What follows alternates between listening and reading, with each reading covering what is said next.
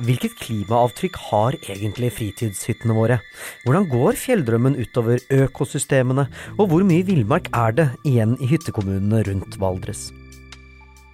Det visste ingen før en liten redaksjon med bare ti redaksjonelle årsverk gravde seg inn i kjernen av det lokale næringslivet.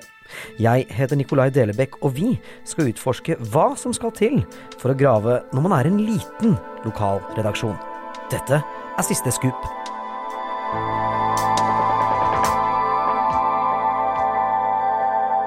En dag nærmere Scoop-konferansen 2022, um, og en dag nærmere Scoop-konferansen 2023 selvfølgelig også, om du hører dette her etter at konferansen i år har vært. Bare si at jeg syns det er utrolig morsomt at du har satt på også denne episoden Siste Scoop. Vi har syntes det har vært veldig gøy å lage denne serien, og at uh, at folk fortsetter å høre på, det er jo en megabonus. Veldig artig.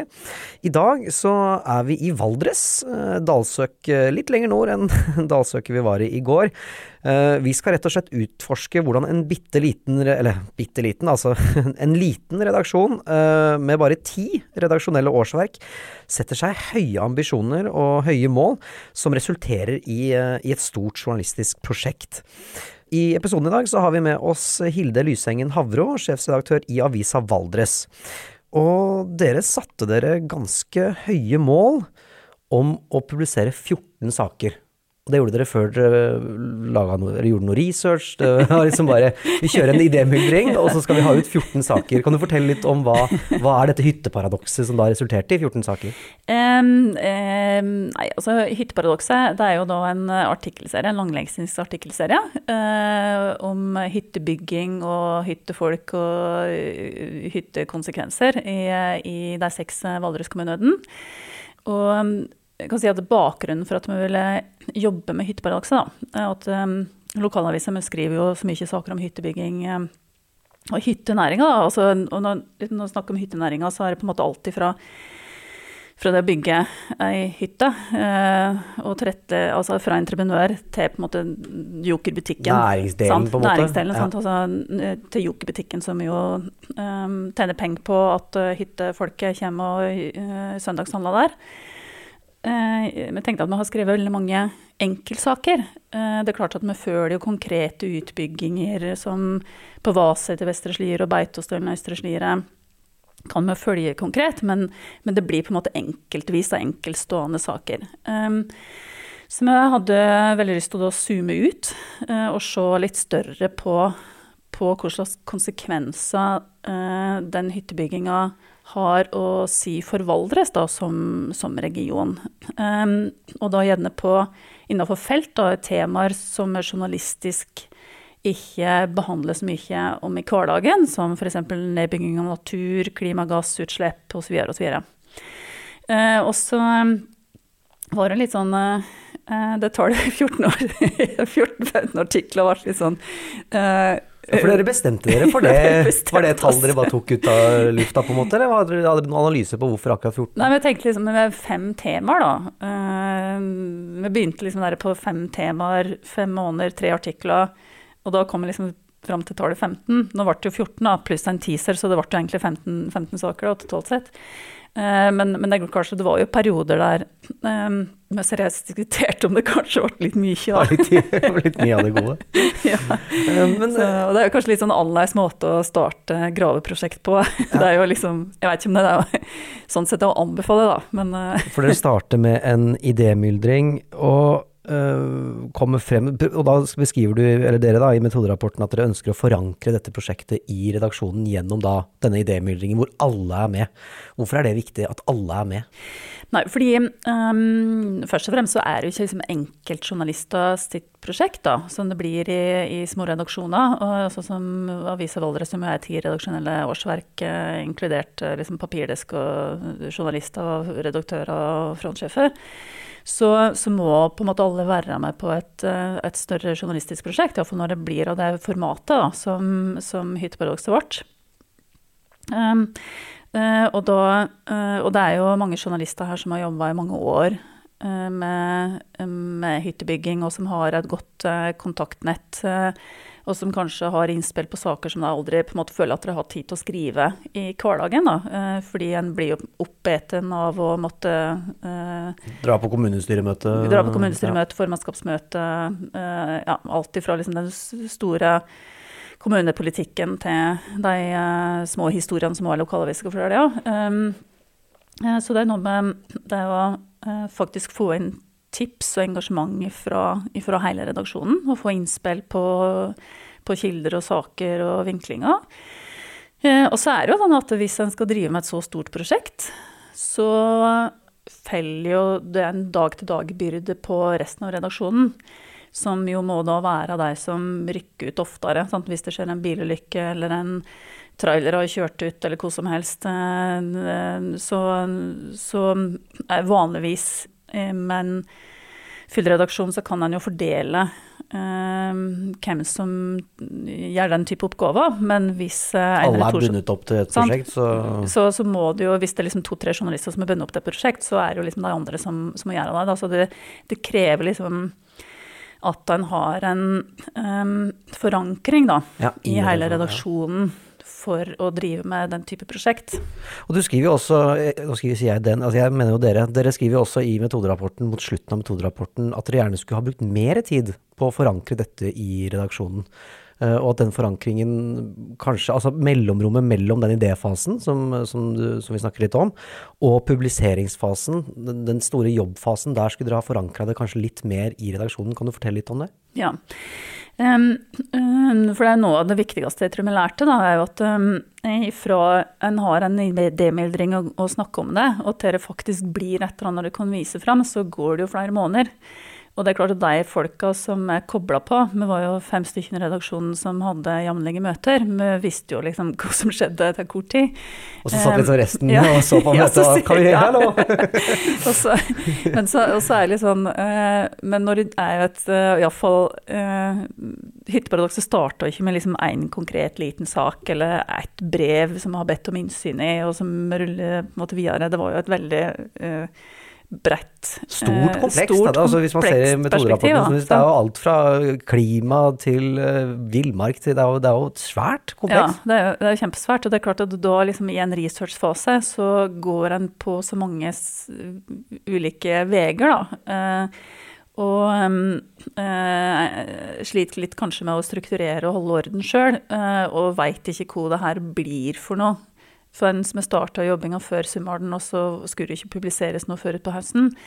Så det er klart at da er liksom, det kjennes litt tidlig da, for den prosjektgruppa som jobber med det, til at det er mulig å ja, hva skal du si at det blir for noe? Ja, nei, det veit du liksom ikke helt ennå, da. Um, så det ble en liten sånn distanse mellom gruppa og resten av redaksjonen, rett og slett? Fordi at ja. ikke de var kommet langt nok i prosjektet? Ja.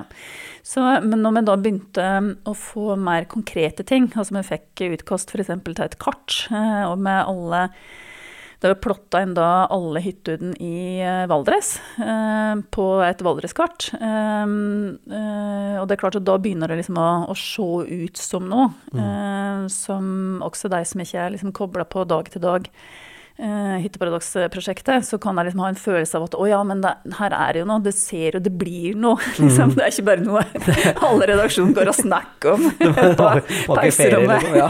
ja, det er faktisk noe, noe, som blir Det er en grunn til at det alltid er som å rykke ut uh, når det skjer noe, liksom. Ja. ja, det ser vi jo, ja. Så, så, jeg tror at det hvordan vi kunne gjort det uh, annerledes um, det tror jeg rett og slett er med at kanskje vi skulle hatt litt mer Altså invitert inn redaksjonen på litt flere eh, av de faste møtene, da. Sant? Så at en har liksom en fot i det prosjektet som, som avis. Ja. Mm. Så tydelig kommunikasjon internt i redaksjonen uh, opplever jeg at du mener er veldig viktig her, da. Ja. Ja. Uh, også for andre som ønsker å gjøre det samme. Dere skriver også i metoderapporten at en av grunnene til at vi setter i gang det prosjektet her, er at kulturen blant annet her da, i avisa Valdres, opplever at, uh, er litt sånn at det er, det er de store avisene som, som, graver. Og det er litt sånn en, en vedtatt sannhet, og at det var et ønske om å utfordre den kulturen. Kan du si litt om hvordan den kulturen oppleves? Altså Blir det litt sånn der, at man skyver graving litt vekk, og så tenker man ikke noe på det? Eller har man et ønske om å gjøre det, og så gjør man det bare aldri? Eller kan du si litt om det? Ja.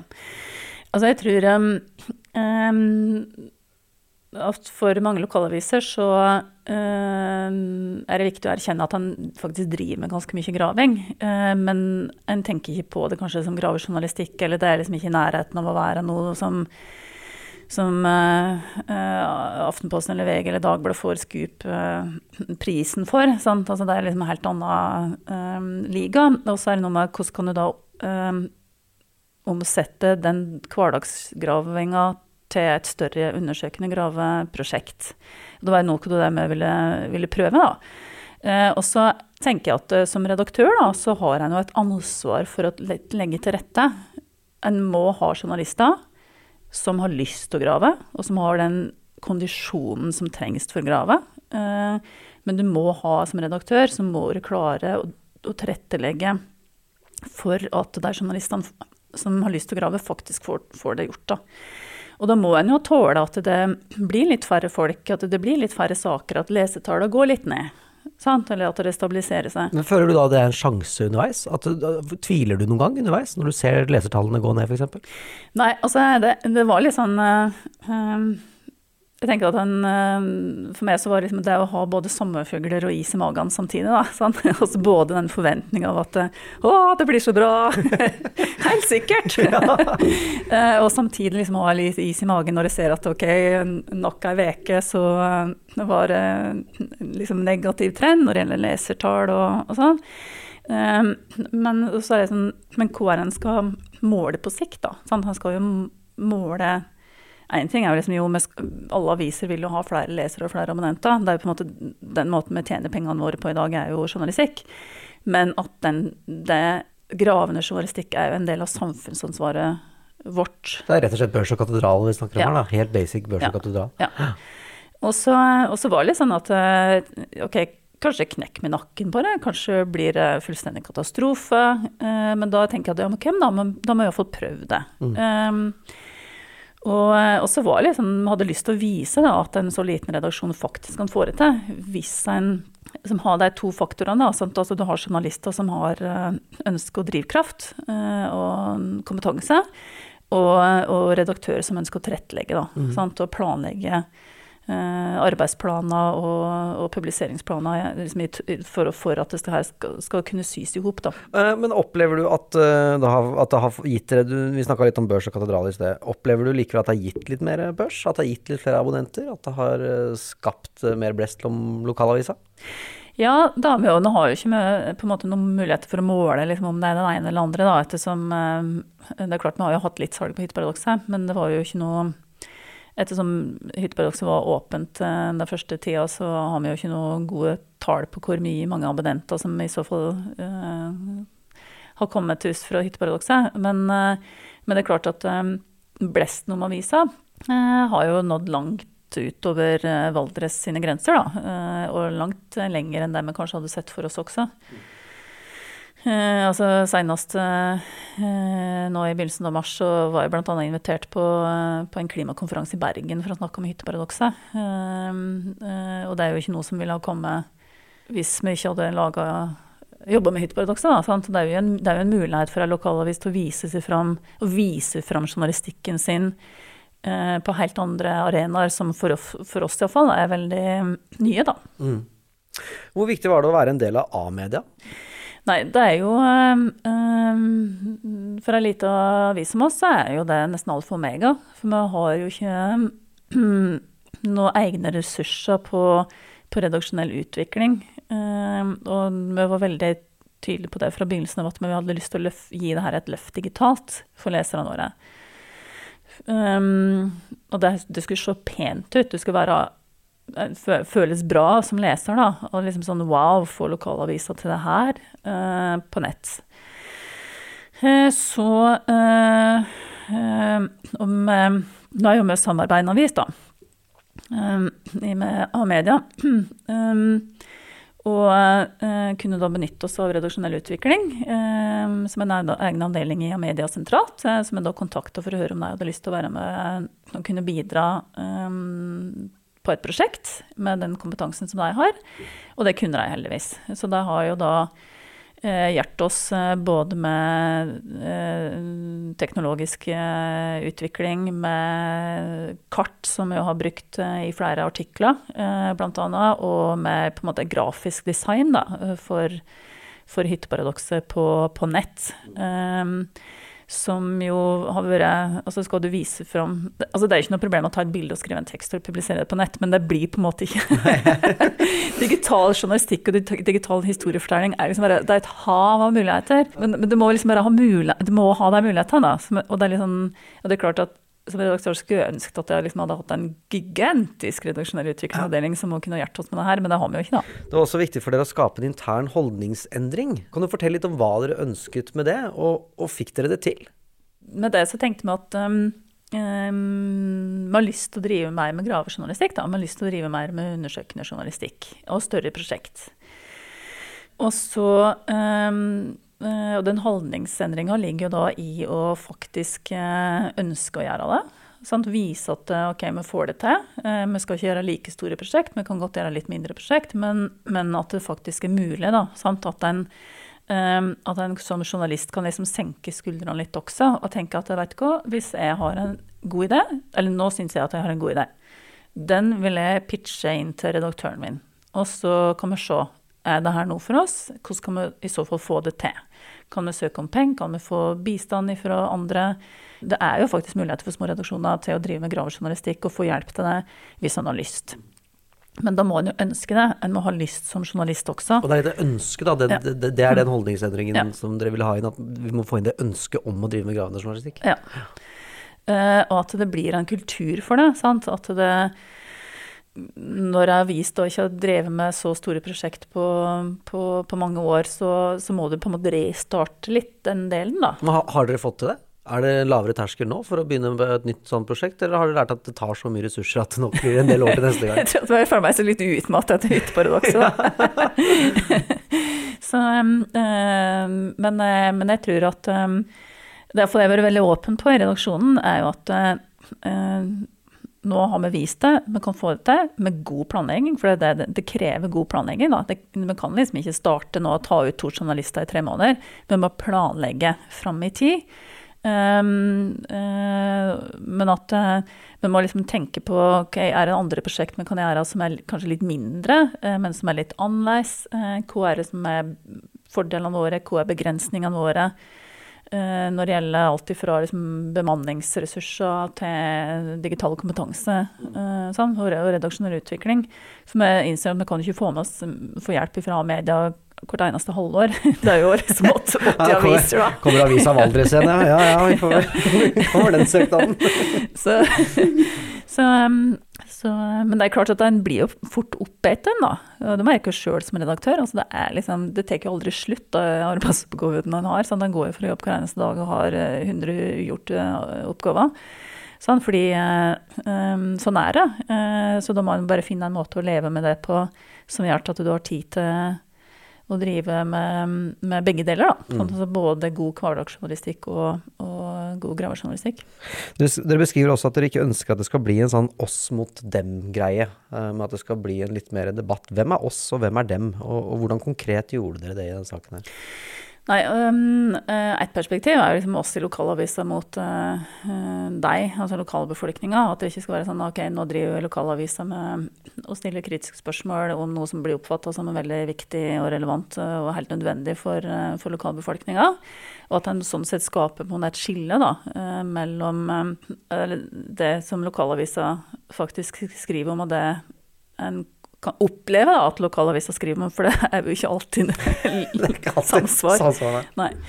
Um, uh, så det er jo én ting. Og så er det jo litt sånn uh, Hyttedebatten har jo de siste åra her i Valdres og i Vinje, i Hallingdalen og mange andre plasser blitt mer og mer betent, da.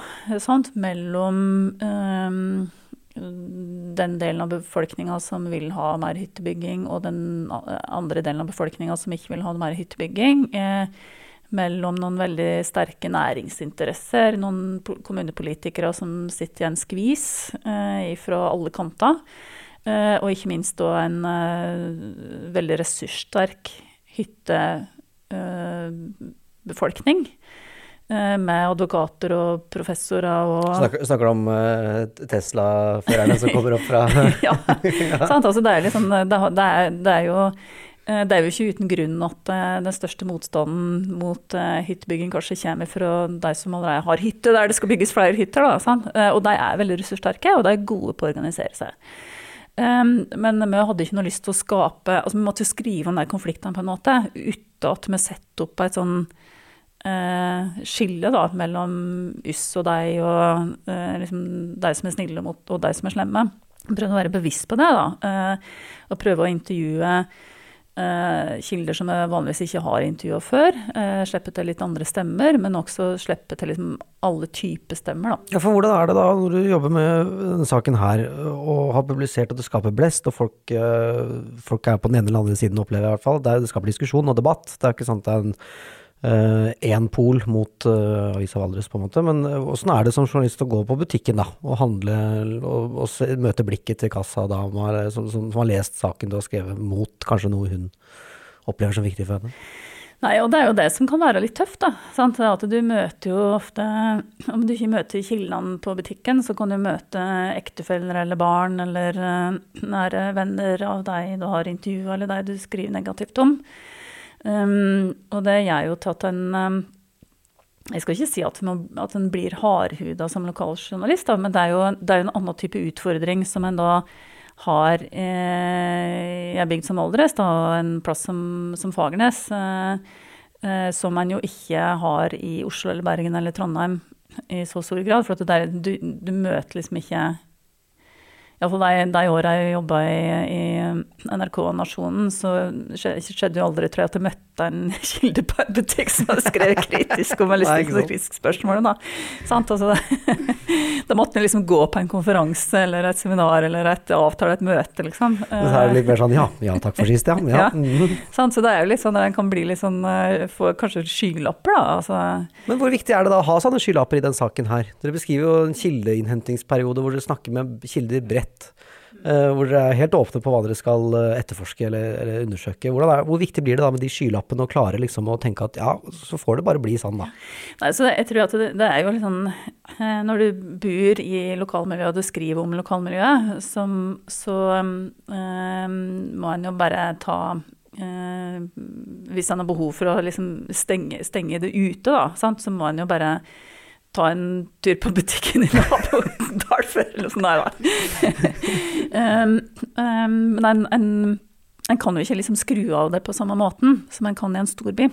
Uh, for det er jo én ting er jo butikken, men det kan jo være at du sitter i foreldreutvalget eller uh, har unger som spiller i, sammen på fotballen, eller uh, en sitter i korpsstyret. Altså, det er liksom det er mange ting. For at det er liksom, en lokaljournalist er jo ofte aktiv i lokalmiljøet på mange felt. Altså, det er liksom vanskelig å melde seg ut av absolutt alt. Da, mm. sånn.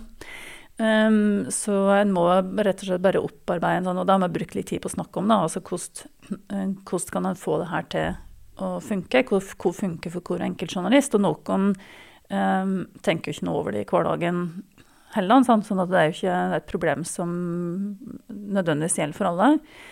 Og så um, er det jo veldig sjelden at en uh, på en måte blir uh, sånn sett snakka til eh, direkte til en blir gjerne snakka om, da. Kanskje i større grad når det blir snakka til. ikke da til det er noe bedre, da. Baksnakking har jeg lært deg ikke, det er ikke bra det heller. Uh, helt på slutten her, eh, Hilde. Har du noen tips til andre redaksjoner som har lyst til å kaste seg ut i det, på, som er i størrelsesordenen 10 30 journalister, og som har lyst til å sette i gang litt ordentlig graving? Ja, bare gjør det.